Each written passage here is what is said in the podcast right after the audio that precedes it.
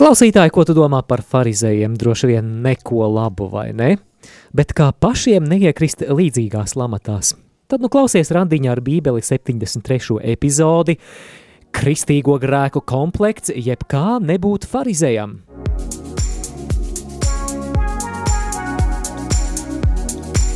Skan Randiņš ar bībeli.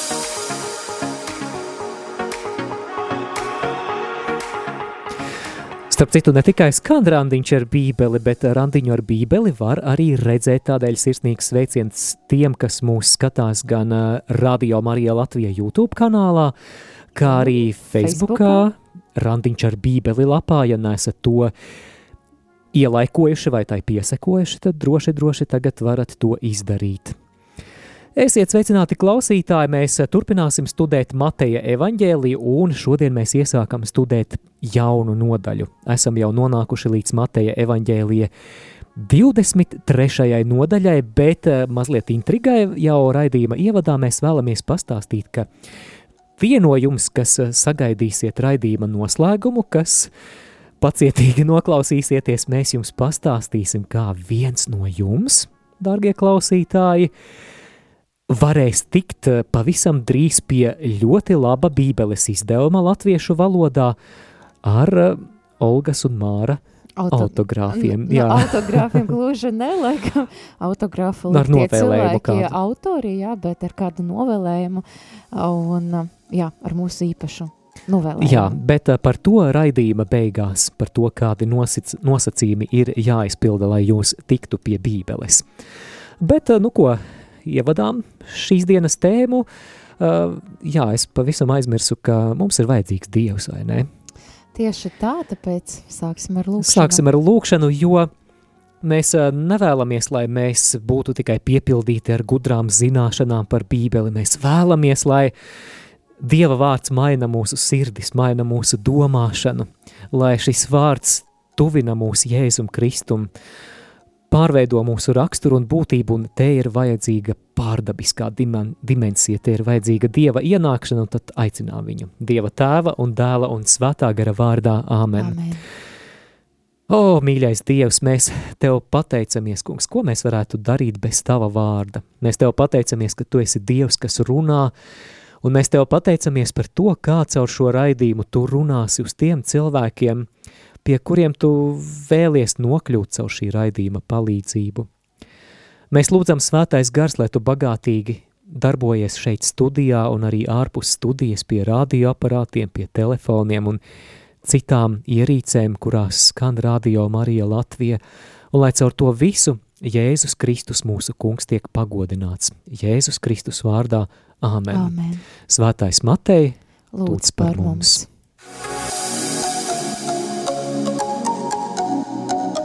Skan Randiņš ar bībeli. Jā, starp citu, Māri, tu minēji par, par domāšanas veidu, par to, lai Dievs ienāk, svētais gars ienāk mūsu dzīves, un es arī pirms kāda laika es sapratu, ir, protams, tāds pāns Bībele no Jāņa evangēlija, un jūs atzīsiet patiesību, un patiesība darīs jūs brīvus. Un es sapratu, ka patiesība taču ir rakstīta Bībelē. Ja mēs lasām Bībeli, mēs atzīstam patiesību, un lasot Bībeli, mēs kļūstam brīvi. Jā, šis ir eh, brīvības likums, kā to apraksta Jēkabs savā vēstulē jaunajā derībā. Piedošana, es nepareizu pantu pateicu. Jā, bet jā, mēs turpināsim, uh, turpināsim raidījumu. Un jā, tad mēs šodien runājam par, par kristīgu grēku komplektu, jeb kā nebūt farizējam.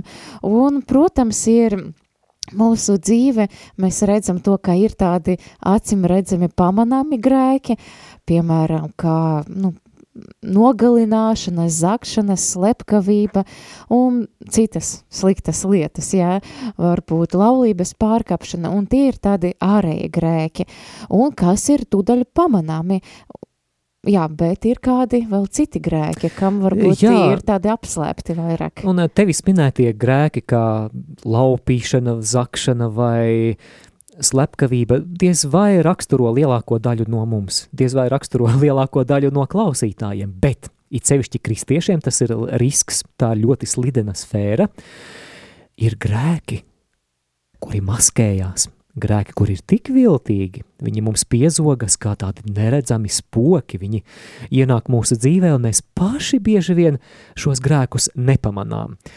Un interesanti, ka ir tie, tie ir tie paši grēki, kurus Jēzus pārmeta farizējiem jaunajā derībā, un pārmeta farizējiem tieši Mateja evaņģēlija 23. nodaļā, ko mēs šodien sāksim lasīt, un sauksim šos grēkus par kristīgajiem grēkiem. Jā, un kā Māris teica, šie grēki var iezagties nemanāmi, un ja mēs neesam uzmanīgi pret tiem, tad viņi arī var palikt un arī ietekmēt mūsu dzīvi, un pēc tam arī var izpausties arī ārējos grēkos. Un jā, tie var palikt sirdi, domas, emocijas, un lai labāk saprastu, kā, lai mēs paši e, nekļūstu par tādiem, par farizēm, par grēku nesējiem, tad mums jāieklausas Jēzus vārdo, vārdos, ko viņš saka arī 23. nodaļa, un mēs darīsim to divos raidījumus. Tā kāpēc, ka to grēku ir diezgan daudz, un mēs gribamies, gribam apskatīties to nu, diezgan tā detalizēti, tāpēc ir divas daļas. Tad pirmā un otra daļa. Pirmā daļa būs šodien, otra daļa pēc nedēļas. Jā, šīs daļas nosaukums ir Kristīgo grēku komplekts, pirmā daļa, un paldies viesturam Vizulim, te es mazliet uh, atsaucos uz viņa raidījuma Kristīgo kļūdu komplekts, komplekts nosaukumu. Ļoti labs raidījums, meklējiet arhīvā. Bet 23. Eh, nodaļa, ko mēs sākam lasīt, ir Jēzus runa, kurā viņš atmasko farizējus norādot uz viņu kļūdām. Parunāsim vispirms par to pieeju, kā mēs lasīsim šo tekstu. Es piedāvāju šo tekstu šodien lasīt caur viena svarīga jautājuma prizmu. Tā ir viena no metodēm, kādu mēs varam paši izmantot savās bībeles lasīšanas stundās. Un šis jautājums ir šāds. Uz kādām farizēju kļūdām norāda Jēzus? Ja, tātad uz kādām farizēju kļūdām norāda Jēzus. Un tas mums palīdzēs saprast arī, kā mums pašiem izvairīties no līdzīgiem slazdiem. Tad, no kristīgo kļūdu, kristīgo grēku komplekts, jeb kā nebūt farizējam. Bet arī no sākuma gribas pateikt tādu disclaimer, vai nezinu, kā to latviski nosaukt. Piebildi. Piebildi, jā, ka, protams, ka neviens jau nav bez grēka, un ka, protams, mēs visi grēkojam, šis ir, nav tāds aicinājums pārmest kādam vai, vai norādīt ar pirkstu kādam, bet vienkārši aicinājums, jā, ik pa laikam, uh, izvērtēt savu sirdsapziņu arī īpaši tagad adventa laika, kad mēs varam paskatīties sava sirdi vai, vai mani nav kaut kas tāds, kas ir no farizēja rauga, kā Jēzus arī sa saviem mācekļiem teica, ka, um, kā viņš teica, uh, sargājieties no farizēja rauga un, jā, izvērtēt sirdsapziņu un tad arī attiecīgi arī izlikt ar Dievu. Jā, tāpēc šis absolūti nav plānots kā moralizējošais raidījums, kā mēģinājums iebakstīt ar pirkstu sirdsapziņā, bet tāpēc mēs arī šī raidījuma laikā, nu vismaz es noteikti esmu gatavs pasmieties pats par sevi un par to farizeismu, kas ir bijis vai varbūt joprojām ir manā dzīvē. Un es arī varu pateikt, ka patiesība es šobrīd arī esmu klausītāja. Es arī klausos to, ko mēs šodien runājam, mēs gatavojamies, un es domāju, es eh, arī saņēmu no tā visa un saņemšu.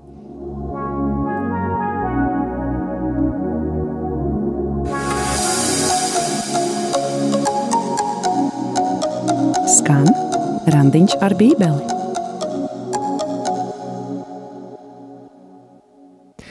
Kļūda numur viens – Mateja evaņģēlija 23. nodaļā ir liekulība. Klausāmies no 1. līdz 4. pantam. Tad Jēzus uzrunāja ļaudis un savus mācekļus sacīdams. Uz mūzes krēsla ir nosēdušies rakstu mācītāji un farizēji. Visu, ko viņi jums saka, to dariet, un turiet, bet pēc viņu darbiem nedariet, jo tie gan māca, bet nedara.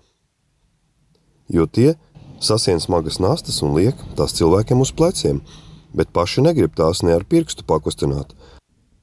Jā, šeit redzam, ka Jēzus saka, ka farizēja māca un māca labi, pareizi, bet uh, paši to nedara, un tas norāda uz to liekulību. Ja pat, uh, piemēram, ja viņi nemācītu un uh, tad nedarītu, tad varētu būt mazākais grēks, bet tas, ka viņi māca, tas nozīmē, ka viņi saprot, kā ir pareizi, bet tā ir paša laika viņi to nedara. Apostolis Pāvils par to pašu runā vēstules romiešiem otrajā nodaļā, es lasīšu no 21. panta. Citus tu māci un pats sevi nemāci. Sludinādams, ka nebūs zakt, tu pats zots. Sacīdams, ka nebūs pārkāpt laulību, pats to pārkāp. Ar riebumu novērstamies no elkiem, aplaupi viņu tempļus – Tu lepojies ar bauslību, bet pats pulgo dievu bauslību pārkāpdams. Kā rakstīts, jūsu dēļ dieva vārds tiek zaimots citu tautu starpā. Un lūk, tad um, liekulība, tad, kad uh, vārdi nesaskan ar darbiem, ir populāra, varētu teikt, kristīgu kļūda un iet komplekta mūsu minētajā šodien, un jā, tad, kad mēs sākam vienu un daram pavisam pretēju, mēs arī ieļaunojam citus. Un te nu es vēlos eh, padalīties pieredzes stāstā, kā es sevī pamanīju šo pašu farizeismu vai vismaz liekulības risku.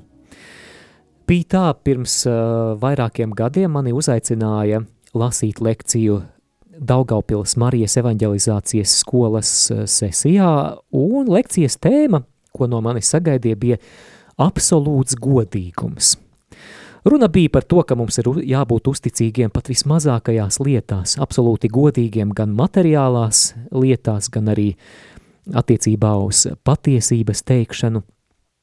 Un tā nu es gatavojos šajai lekcijai par absolūto godīgumu, un tad es sapratu tā, ka paga, paga māri, Tu te brauksi tagad uz Daugaupili, tu cilvēkiem stāstīsi, ka jābūt pat sīkumos godīgam, kā ir ar tevi pašu? Un tad es pēkšņi atcerējos, ka, piemēram, kāds cilvēks mums radio Marija vakara pasaciņu lasīšanai bija aizdevis pasaku grāmatas. Nu jau bija pagājuši vairāki gadi, un tās grāmatas mēs vairs nelietojām, un tās mums stāvēja studijā uz plauktiņa. Jā, vai tas ir absolūts godīgums? Un es sapratu, ka gatavojoties šai lekcijai, man ir jāsazinās ar to cilvēku, kas man šīs eh, grāmatas atdeva un ir jāsarunā, kā es varu tās atgriezt atpakaļ. Vai vēl viena lieta, par ko es atcerējos, varbūt Dievs man to atgādināja, jā, tu māri runāsi te par absolūtu godīgumu, pret atbildīgu izturēšanos pret citu īpašumu, bet vai tu neatceries, ka tu pēdējo divu gadu laikā esi arī izmantojis darba papīru, printējot savām vajadzībām? Jā. Tad nu es aizgāju uz grāmatnīcu, es nopirku papīra paku un atnesu uz darbu, lai kaut kā sektu to parādu. Lai es nebūtu tas farizējs un liekulis cilvēku priekšā, kuriem es par tēmu runāšu, Vēl viens no apakšpunktiem šajā tē, tēmā, tur jau bija arī eh, gatavs lekcijas materiāls atsūtīts, bija par žēlsirdības dāvanu došanu nabagiem. Tātad man par to bija jārunā, jāaicina, ka dodiet žēlsirdības dāvanas nabagiem, bet tas es domāju, bet Māri, Māri, kā ir ar tevi pašu? Kad pēdējo reizi, vispār tu pēdējā pusgada laikā esi kaut vienu žēlsirdības dāvanu devis – Es atceros, es to sapratu adorācijas kapelā vecrīgā, un tad ceļā uz mājām es uzmeklēju vecrīgā kādu ubagu un noziedoju naudiņu. Ne jau tā, ne jau tā, lai vienkārši ķeksīti ieliktu, bet uh, lai pats iesāktu sevī procesus, lai es pats tiektos pēc tā absolūtā godīguma, par kuru Es pēc dažām dienām grasījos sludināt Marijas skolā Daugaupilī. Tālūk. Tātad mūsu kristīgo kļūdu komplektā kļūda numur viens ir Liekuli. liekulība. Kļūda numur divi Godkāre. - godkāre. Un nākamais pārmetums eh, farizējiem, ko mēs lāsam no 23. nodaļas Mateja evangēlē no 5. līdz 7. pantam. bet visus savus darbus tie dara, lai ļaudis tos redzētu. Tie darina plats lūkšanas siksnas un drānām garus pušķus. Tie mīl mīlestos sēdēt goda vietās un sinagogās pirmajos krēslos. Un ka ļaudis tirgus laukumos tos sveicina un sauc par rabi. Jā, mēs redzam šeit, šajos uh, trijos pantos, ka trīs tādus punktus, kas liecina par godkāri, kas pabaro ego, kas pabaro godkāri, un tie ir, iz, tie ir izrādīšanas citu priekša, mēs lāsam 5. panta, tad 6. panta mēs lāsam, ka tad tie, tiekšanas pēc labākas vietas, un arī tiekšanas pēc pagodinošiem tituliem. Jā, mēs redzam, ka uh, patīk farizēm, lai viņu sveicina un sauc par rabi, tāda atpazīšana, tāda, uh, jā, tituli, tituli. Gatavojoties šim raidījumam, es ielūkojos arī internetā, mēģinot noskaidrot, kāda tad ir godkāres definīcija, un vismaz mājaslapā vārnīca LV ir rakstīts, ka godkāre ir tieksme pēc goda, slavas un sabiedrības ievērības. Nu, to mēs visu redzam farizējos. Bet uh, Olga, man šķiet ļoti interesanti, vai pievērsi uzmanību, ka godkāre var būt reliģiska. Jā, tieši šeit mēs varam redzēt, ka uh, var redzēt, ka viņa uztaisa uh, tas platas lūkšanu sīksnes un drēbam garus pušķus. Jā, es varbūt, dara. Kas jā. tad, ko tas nozīmē? Es to piekto pantu vēlos no jaunā tulkojuma nolasīt, kur ir precīzāk pateikts. Tie dara visu, lai izrādītos cilvēkiem, tie darina aizvien platākus savus filaktērijus, tāds gudrs vārds, un lielākus pušķus pie saviem tērpiem. Jā, interesanti, ka filaktērija un puški pie terpa ir dievbības atribūti, kas ir jūdiem, un filaktērijas, ja kāds varbūt bija kādas dokumentālas filmas redzējis, tā ir tādi uh, mazi melnas ādas um, kastīšu, maz melns un uh, kastīšu komplekts no melnas ādam, no melnas ādas un ar ādas siksnam, un kuras uh, tais kastītes ir per, pergaments, kur ir svētie raksti, tora rakstīti, toras panti, un uh, vīrieši nesa uh, tas sīksnes, saprotu, ap galvu, ap roku, Jā, pie pieres pie noteikti. pieres, jā, un ap roku, jā, tad ir tāds, varbūt kāds redzē pie raudoša mūra, man liekas, varēja redzēt tādus Jā, es vīriešus. esmu redzējis. Nu, rekā, tā tas ir. Jā, es domāju, kas varētu būt kristīgais analogs, man tā mazliet ar humoru nāk prātā, varbūt tāds spilgts, liels, garš rožu kronis, kuru ticīgo priekšā tu apzināti grabini tā, lai visi ieraudzītu, cik tu esi labs katolis un sajustos pat mazliet vainīgi, ka mēs tādi nesam. Bet uh, man liekas, ka mums katram iekšā sēž tāds kā mazs vēlniņš, kurš reizēm ir gatavs pat uz šādu reliģisku godkāri. Es tagad atkal pasmiešos pats par sevi, man patīk to Nu, darīt. Man šķiet, ka tas ir arī pasmiešos. veselīgi. Uh, Jā, uh, uh, klausītāji jau zina, ka es savu laiku mācījos garīgajā seminārā, bet es to nepabeidzu. Es vēlāk pārgāju uz Rārzī. Un uh, garīgajā seminārā ir semināra kapela. Un, uh, protams, ka es katru dienu gāju šo kapelu arī pavadīt tur savu privāto lūkšanas laiku un bībeli lasīt, rožu kroni palūkties. Un uh, ik pa brīdim man nācās uh, sev pašam par kaunu konstatēt, ka tiklīdz ienāk kādi studiju biedri, kaut kur tas mazais vēlniņš pamostās un, un ci- cik patīkami, ka viņi mani redz šādā eh, ļoti glaimojošā situācijā. Cik Lūk, jā, cik es esmu dievbijīgs. Bet tad, ja ienāk vēl kāds no vadības, tad nu pavisam ir labi, re, kā vēl vadība redz. Nu, tā, nepārprotiet mani, tas nav tā, ka es ar šādu motivāciju gāju. Es patiešām gāju no sirds meklēt Dievu un viņu pielūgt, bet kaut kur, kaut kur tā vecā grēcīgā cilvēka daba, kurai mēs esam miruši, kas ir mirusi un apglabāta kaut kur Augšām kaut ceļas. sāk augšām celties ik pa brīdim, Jā. tad viņa tur atkal jāiebakst ar kāju smiltīs iekšā. interesanti, ka Jēzus Mateja evangēlija 6. nodaļa 5. panta saka tādus vārdus. Un kad jūs Dievu lūdzat, nedariet tā kā liekuļi, jo tie mēdz sinagogas un ielu stūros stavēdami Dievu lūgt, lai ļaudim radītos, patiesi es jums sāku, tiem jau ir sava alga. Interesanti, Jēzus te runa par algu, bet man prāta nāk arī kāda intervija ar vienu aktieri, uh, kristieti, pareisticīgo, viņš filmēs, viņš jau tagad mūžība, laikam jau vairāk kā gadu, varbūt esat skatījuši, skatījušies filmu Sala tāds à, pār mūku. Jā, tā ir laba. Jā, jā tas aktieris, kas uh, spēlē galveno lomu. Mamontovs. Mamonovs. Mamonovs. Mamonovs. Jā, mam Mamonovs. Mamonovs, ne. Jā. jā, Pēteris Mamonovs, un jā, viņš tagad mūžiba, bet uh, es skatījos viņa interviju, un tur viņš tiešām atgriezas ļoti ticīgs, un viņam kāds pajautāja par um, kādiem žēlsirdības darbiem viņš dara. Un tad viņš pateica ļoti tādu interesantu lietu, un es joprojām atceros, vairākus gadus atceros ik pa laikam, un viņš teica, ka uh, par, par šo lietu, par vienu lietu, tu nevari saņemt divus ordeņus.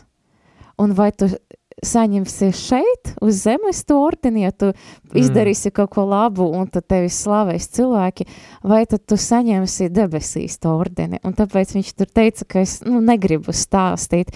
Un man tas tā ļoti iekrīta sirdi, un tiešām, ja mēs kaut ko darām, tad tiešām padomājam, kuru algu mēs gribam, lai mēs saņemam debesīs to algu, vai mēs gribam šeit uz zemes saņemt to uh, godkarības, uh, nu varbūt ne, nevienmēr godkarības, varbūt dažreiz pat, nu tā sanāk, varbūt izpļapājamies, gribas palielīties, bet jā, un jā, Jēzus arī saka, ka uh, lai tava laba roka nezin, ko dara kreisa, līdz ar to, jā, ir ko pārdomāt.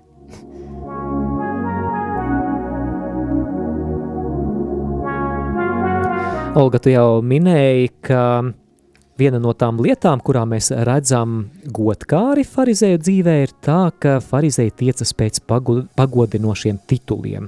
Septītajā pantā mēs lasījām, un ka, un ka ļaudis tirgus laukumos to sveicina un sauc par rabi. Olga atzīsties. Uh, nav tev gadījumā tā, ka tu vēlies, lai tavi draugi tevi sveicina Tu augstzimusī ekscelence, goda cienījamā un cienījamā kundze, stāvu ar neviltotu apbrīnu tavā priekšā. Laikam, ne. ļoti labi, ļoti, Jā. ļoti labi. Jā, patiešām tai vietā, lai kārotu pēc augstiem tituliem, pagodinošiem tituliem, Jēzus aicina atcerēties, ka kas mēs patiesībā esam. Un tagad mēs lasām no 8. līdz 10. pantam bet jums nebūs saukties rabi, jo viens ir jūsu mācītājs Kristus, bet jūs visi esat brāļi. Jums arī neviena virs zemes nebūs saukt par jūsu tēvu, jo viens ir jūsu tēvs, kas debesīs. Jums arī nebūs saukties par skolotājiem, jo viens ir jūsu skolotājs vadonis, Kristus. Jā, tad Jēzus, Jēzus māca par, par zāli pret godkāri. Atcerieties savu vietu, jā, tā, ka, ka tu neesi augstāks par citiem, ka uh, mēs esam brāļi un māsas, tad mēs lāsam, ka jūs esat visi brāļi, ka mums viens ir tēvs un ka mums ir viens kungs, Kristus. Vēl arī, manuprāt, šeit ir nepieciešama piebildīte par uh, šiem eh, tituliem, tātad nevienu jums nebūs saukt par tēvu. Kā to saprast?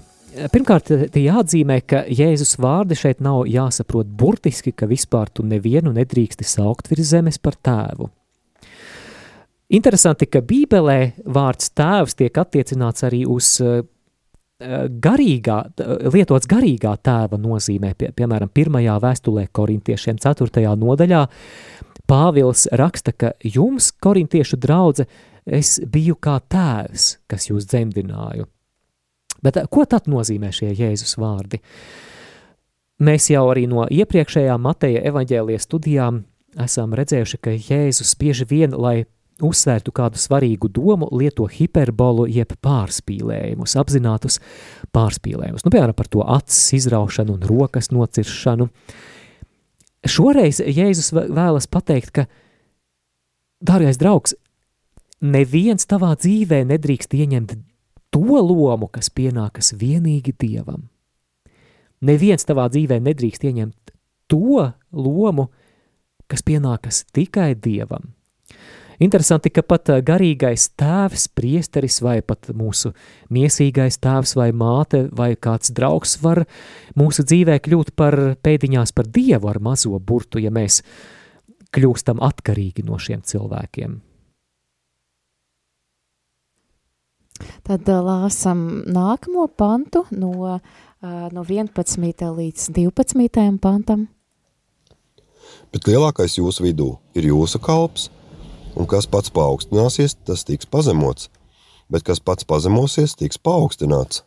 Es jau minēju, Jēzus, ka, bija min, ka Jēzus bija pateicis tās eh, zāles pret godkāri un arī pazemību var uzskatīt pret tādam zālem, un mēs uh, lasam šajā vieta, ka, uh, jā, ka jā, ka, ka pazemība ir zāles pret egoismu, arī vēl cita rakstu vieta filipiešiem no otras nodaļas, no otra līdz ceturtajam pantam mēs lasam, ka tad piepildiet manu prieku, turēdamies viena prāta, lolodami vienu mīlestību, dvēseles vienoti ar vienu mērķi, nestrīdēdāmies, ne tukša lielība, bet pazemība, cits citu uzskati, uzskatīdami augstāku par sevi, neraudzīdamies katrs uz savam, bet arī uz citu vajadzībam. Tad tas zāles pret godkāri tiešām ieraudzi cita cilvēka viņa vajadzības, viņa, eh, viņa varbūt nepieciešamas lietas un arī kalpot viņam ar pazemību un arī uzskatīt nevis sevi par augstāku, bet otru par augstāku. Jā, mēs jau 65. randiņā ar bībeli epizodē Jēzus līderības princips runājām par to, ka debesu valstības loģikā ceļš uz diženumu ved nevis, kā varbūt pasaulīgi mēs to domātu, nevis caur paaugstināšanos, nevis caur varas uzurpēšanu, nevis caur sava statusa uzsvēršanu, bet caur pazemināšanos. Patiesu līderi evaņģēlija gaismā raksturo nevis pacelšanās pāri citiem, bet gatavība noliekties, lai kalpotu, gatavība noliekties, lai mazgātu otram kājas. Un šī gatavība kalpot, neatkarīga no tā, kāds tev ir status, kādu pozīciju tu ieņem, tā jau ir nopietna zīme garīgam briedumam un izcilībai. Bet um, šajā brīdī dosimies mūzikas pauzītē. Atgādināsim, ka mēs jau esam runājuši par diviem, divām kļūdām mūsu kristīgo grēku komplektā, un tā ir godkāre un, un liekulība, un kas tā, liekulība. liekulība, kas tā ļoti nemanami var iezakties mūsu dzīves. Jā, un mīļo klausītāji, ja klausies tiešraidē šo raidījumu, tad droši var arī iesaistīties ar savām pārdomām, zvani vai raksti. Kad saucu es, tu sadzirdēji, sadzirdēji mans radītāji.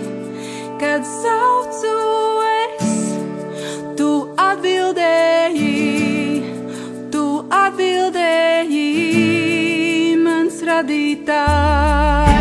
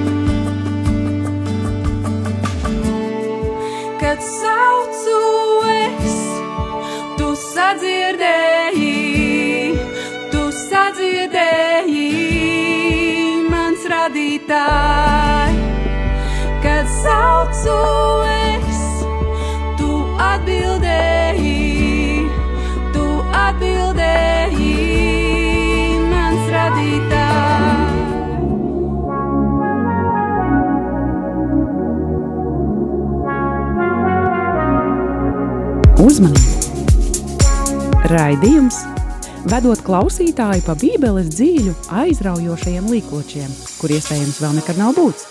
Var izraisīt nopietnu atkarību no privāta randiņa ar svētajiem rakstiem ikdienā.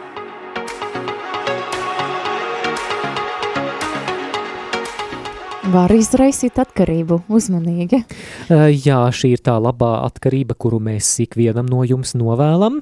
Un atgādinām, ka atpakaļ ēterā Māris Veliks un Olga Velika randiņā ar bībeli Un- šīs. Un palieciet līdz, līdz galam, jo mums būs kāds interesants paziņojums. Jā, par to, kā var tikt pie bībeles.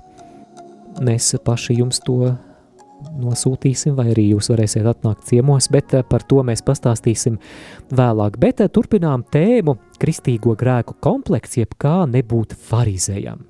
Un esam jau parunājuši gan par liekulību, gan par, par tādu lietu, kā godkāre, ko Jēzus pārmet farizēm. Mēs visi esam aicināti pārdomāt tieši mūsu dzīvi, mūsu sirdsapziņa, vai nerādas tur kāds liekulības vai godkarības, vai tur ne, nes, nav nekāds tur uh, kā izaudzījis, iefiltrējis vīrus, jā.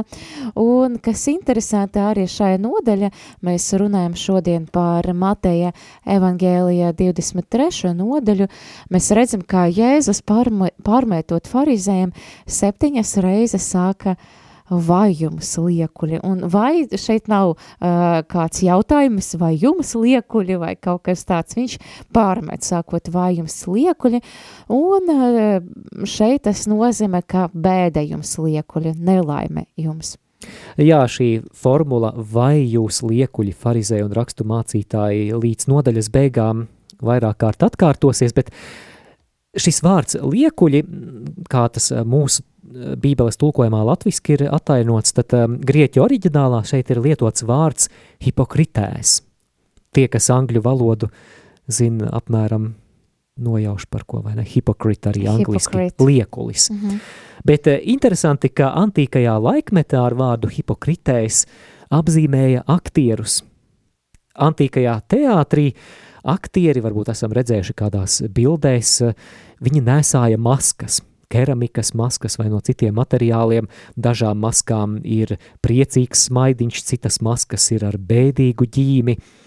Bet vēlāk eh, ar šo vārdu hipokritējs sāk apzīmēt tos, kuri masku nesā pārnestā nozīmē, proti attiecinot uz tiem, kuri izliekas par tiem, kas tie patiesībā nav.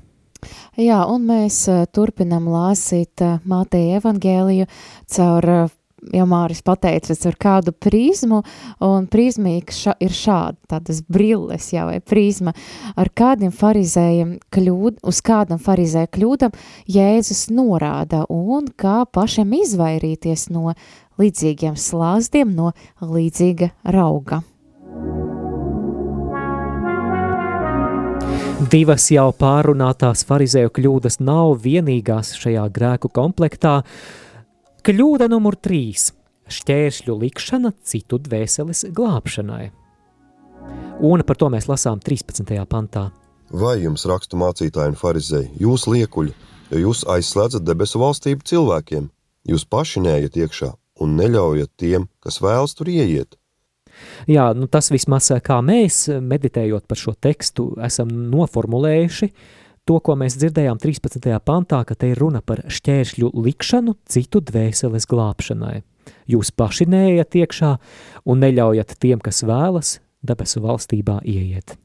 Un es eh, biju dzirdējusi, lasot šo uh, un parunājot ar Māriju šo rakstu vietu, man prāsta nāca tāds viens stāsts arī no, uh, no kādas konfesijas, un es domāju, tur nav kāda konfesijas vaina, es domāju, jebkura konfesija to var atrast, un jā, tas nav nekāds pārmetums, ja kas, un uh, bija, man liekas, tas bija kāds pareisticīgu svētais, es neatceros, kurš tieši, vai tas bija Jānis no Kronštātas, uh, es nevarēju atrast informāciju, godīgi, ja es tagad meklēju, bet nevarēju atrast, bet dzirdēju kādu stāstu, ka viņš eh, celebrēja mm, dievkalpojumu, viņš piedalījies dievkalpojuma, eh, svinēja to, un viņš pamanīja, bija kāda sieviete, kas bija ienākusi baznīcā ar bērnu, un eh, viņa laikam bija tikko atnākusi, neko nezināja, kā stāvēt un kur ko darīt, un tad viņš pamanīja, ka viņam, viņam, viņai piesējas kāda sieviete, kāda draudzes locekla, un viņa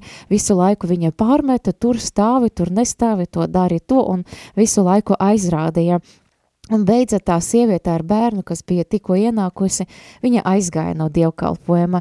Un, ja es nemaldos predīka laika, tad nu, priesteris tad piecēlas un viņš norādīja uz to sievieti, kas visu laiku aizrādīja tai jaunai sievietei ar bērnu un teica viņai, nu tātad tev tagad līdz mūža beigam jālūdzas par šo sievieti, jo mm. iespējams viņai tu viņai tā kā aizslēdza durvis uz, uz baznīcu un vienkārši tā viņš diezgan skarbi norādīja uz šo problēmu.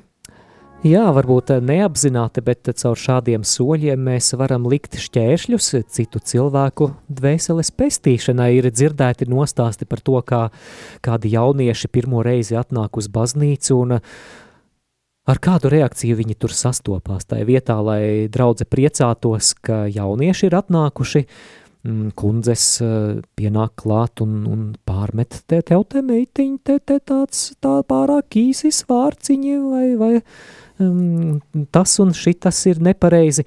Man kāds tuvinieks ir stāstījis par to, ka ejot pie komunijas, no, nometās ceļos pie balustrādes uh, rindā un blakus kāda sieviete, un viņa tā pagriež galvu, un, un tā, bet jūs pie grēksūdzes bijāt? Ak vai? Jā, nu protams, protams, ka bija un vispār, kāda tev daļa vispār, un iedomājies, ja, ja tā tiktu pajautāts kādam cilvēkam, kurš varbūt uh, pirmo reizi iet pie komunijas, vai ir tikko, tikko ienācis eh, baznīcā, vai tikko atgriezies baznīcā, tas var radīt ieļaunojumu, ka vēlāk došanās uz baznīcu būs kaut kas tāds, kas trīsreiz jāpārdomā, vai man vajag atkal piedzīvot to apkaunojumu vai nē. Es atceros arī, varbūt mums katram tādi stāsti ir, un es domāju, ka tie cilvēki varbūt ne aiz ļauna prāta to bija darījuši, jo kā taču baznīca jābūt kārtība, bet man liekas jābūt gana žēlsirdīgiem pret cilvēkiem, kas varbūt tikko ienāk, kas nesaprot, kas un kā. Es ceros, manai tante arī kāda, kāda sieviete baznīca bija pārmetusi, ka viņai nav cepures ne lakatā, un, un tā paskatoties tajā brīdī, es arī biju uz to uh, misi, un nu, lielākai daļai no sievietam nebija ne cepures ne lakata, bet nu nezinu, kāpēc manai tantei tā sieviete bija Paveicās. Paveicās, jā, pēdiņas. Jā, tā tad šķēršļu likšana citu dvēseles glābšanai. Un arī kā tādu varbūt netiešu šķēršļu likšana, kā tādu grēku var arī uzskatīt par, jā, par vienaldzību pret mūsu tuvinieku dvēseles glābšanu, pret viņu glābšanu. Mēs dažreiz pamanam varbūt mūsu dzīve, ka vēl viens radinieks nomira, vai tāls, vai tūs, vai kāds pazīstamais, un tajā brīdī varbūt mēs saprotam, ā, es par viņu nelūdzos, es viņam neliecināju, varbūt man kādu brīdi bija pamudinājums viņam pateikt, bet es sev kaut kā to apslapēju, varbūt man bija kauns, varbūt bail, un es nepateicu, un tagad, nu, jau ir par vēlu, un jā, varbūt tāda, tāda veida mēs netieša veida liekam to šķērsli.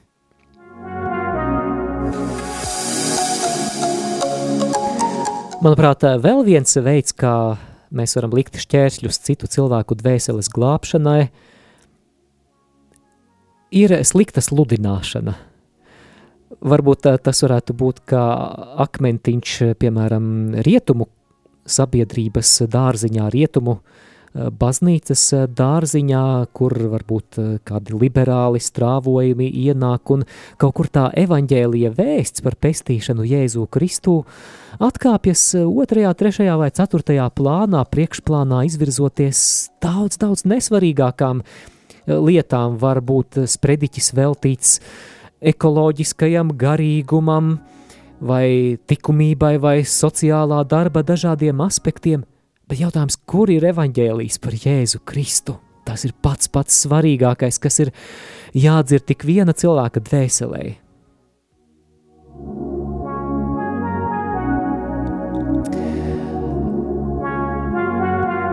Un tagad, tagad, tagad tas svinīgais brīdis, at, atskaņosim džingliņu. Randiņš ar bībeli. Praktisks padoms bībeles lasītājiem. Jā, nu pagaidām mēs apstājamies pie 23. nodaļas, un mēs turpināsim nākamreiz šo, šo nodaļu ar, ar to papildināsim kristīgo grēku komplektu. Un vēl arī atgādināsim, ka šis raidījums nebija nekāda moralizēšana, tas bija vairāk aic... Cerams, ka neizklausījās. Cerams, ka neizklausījās, jo, jo mēs paši arī klausījāmies un ņemsim vērā ar visu, ko mēs bijām pateikuši, bet jā, šis ir aicinājums tiešām katram no mums izvērtēt savu sirdsapziņu un izrāvēt to dārzu, kur varbūt ir jau sāka augt tās nezāles, godkares, liekulības un tas, tā treša grēkā arī nezāle, bet tagad, tagad, tagad īpašais piedāvājums. Mēs pastāstīsim tev, klausītāji, par to, kā viens no jums tiks pie Bībeles, kurā mēs arī ar Olgu noteikti apsolām ierakstīt kādu novēlējumu, kādus skaistus vārdus, bet pirms tam, it sevišķi tiem, kas mūs klausās vai skatās sociālajos tīklos, būsim pateicīgi, ja ieliksiet īkšķīti, ja ieliksiet komentāru, mm, kaut vai, kaut vai kādu simboliņu uzrakstīsiet, tas palīdzēs eh, Radio Marija Latvijas saturam nonākt arī pie tiem cilvēkiem, kuri ikdienā radio neklausās. Bet, bet, bet. par lietas būtību tuvojas jaunais 2023. gads. Un eh, jaunais gads ir tas īstais brīdis, kad mēs bieži vien domājam par to, kādas varētu būt mūsu jaunā gada apņemšanās, vai tā būs regulāra sportošana, vai tievēšana, vai kāda svešvalodas mācīšanās. Es vēlētos, lai mēs uzdrošinātos arī šo gadu miju izmantot kā jaunu startu Bībeles lasīšanai. Un, lai motivētu to darīt, lai motivētu rīkoties tā, lai 2023. gads kļūtu arī par tavu Bībeles gadu, tad mums ir kāds piedāvājums. Mēs vēlamies jums piedāvāt tiem, kam, protams, ir interese, īpašu Bībeles lasīšanas plānu nākamajam gadam.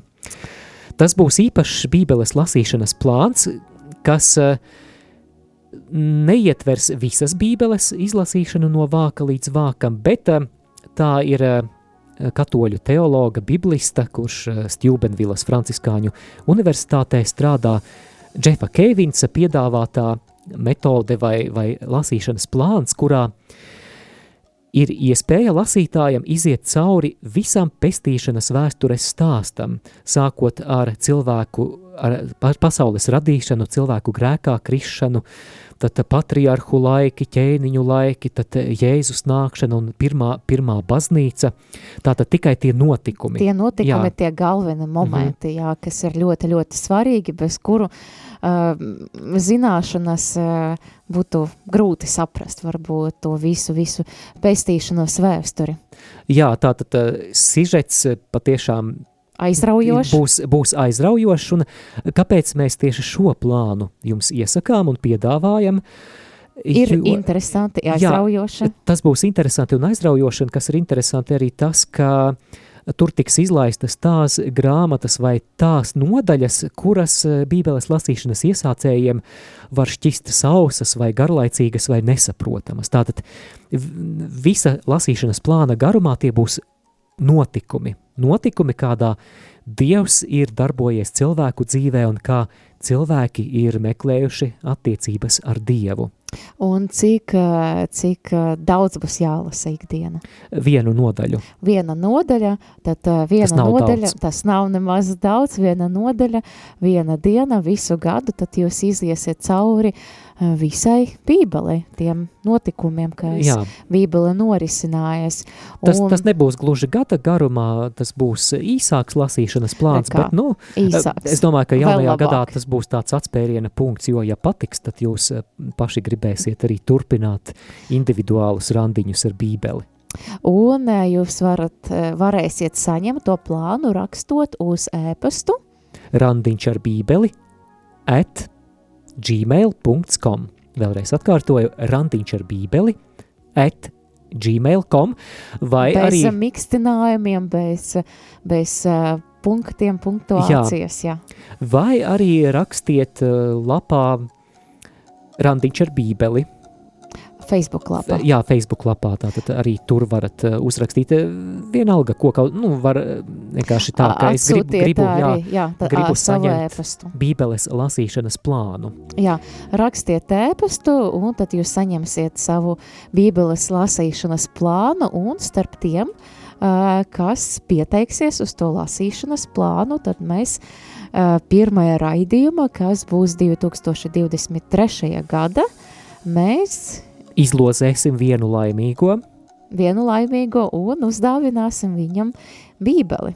ar deiteko- deuterokanoniskajām grāmatām. Jā, kādu labu, jauku bībeles izdevumu ar rāvējslēdzēju, tas ir tas, tas jau ir, manuprāt, motivējošs apstākļis. Tā ka, lai 2023. gads ir mūsu uzdrošināšanās gads attiecībās ar Bībeli, varbūt kādam tas ir kārtējais mēģinājums, bet varbūt šoreiz izdosies, un tas būs tā vērts. Noteikti izdosies, būs laba bībele, būs labs plān, tāpēc, la, plāns. Tāpēc piesakieties, uh, rakstot uz e-pastu, randiņš ar bībelēm, at gmail.com. Jā, un to Bībeli mēs dāvināsim ne jau vienkārši tāpat viena, bet uh, mm, respektējot jūsu apņemšanos arī tad uh, patiešām lasīt jaunajā gadā Bībeli. Tātad uh, randiņš ar bībeli at gmail.com un ar šo mēs arī raidījumu šodien noslēdzam. Ēterā bijām mēs Māris Veliks, Un Olga Velika. Un atcerieties, ka raidījums randiņš ar bībeli, gluži kā uztura bagātinātājs, neaizstāja pilnvērtīgu un sabalansētu uzturu, neaizstāja jūsu personiskos randiņus ar bībeli.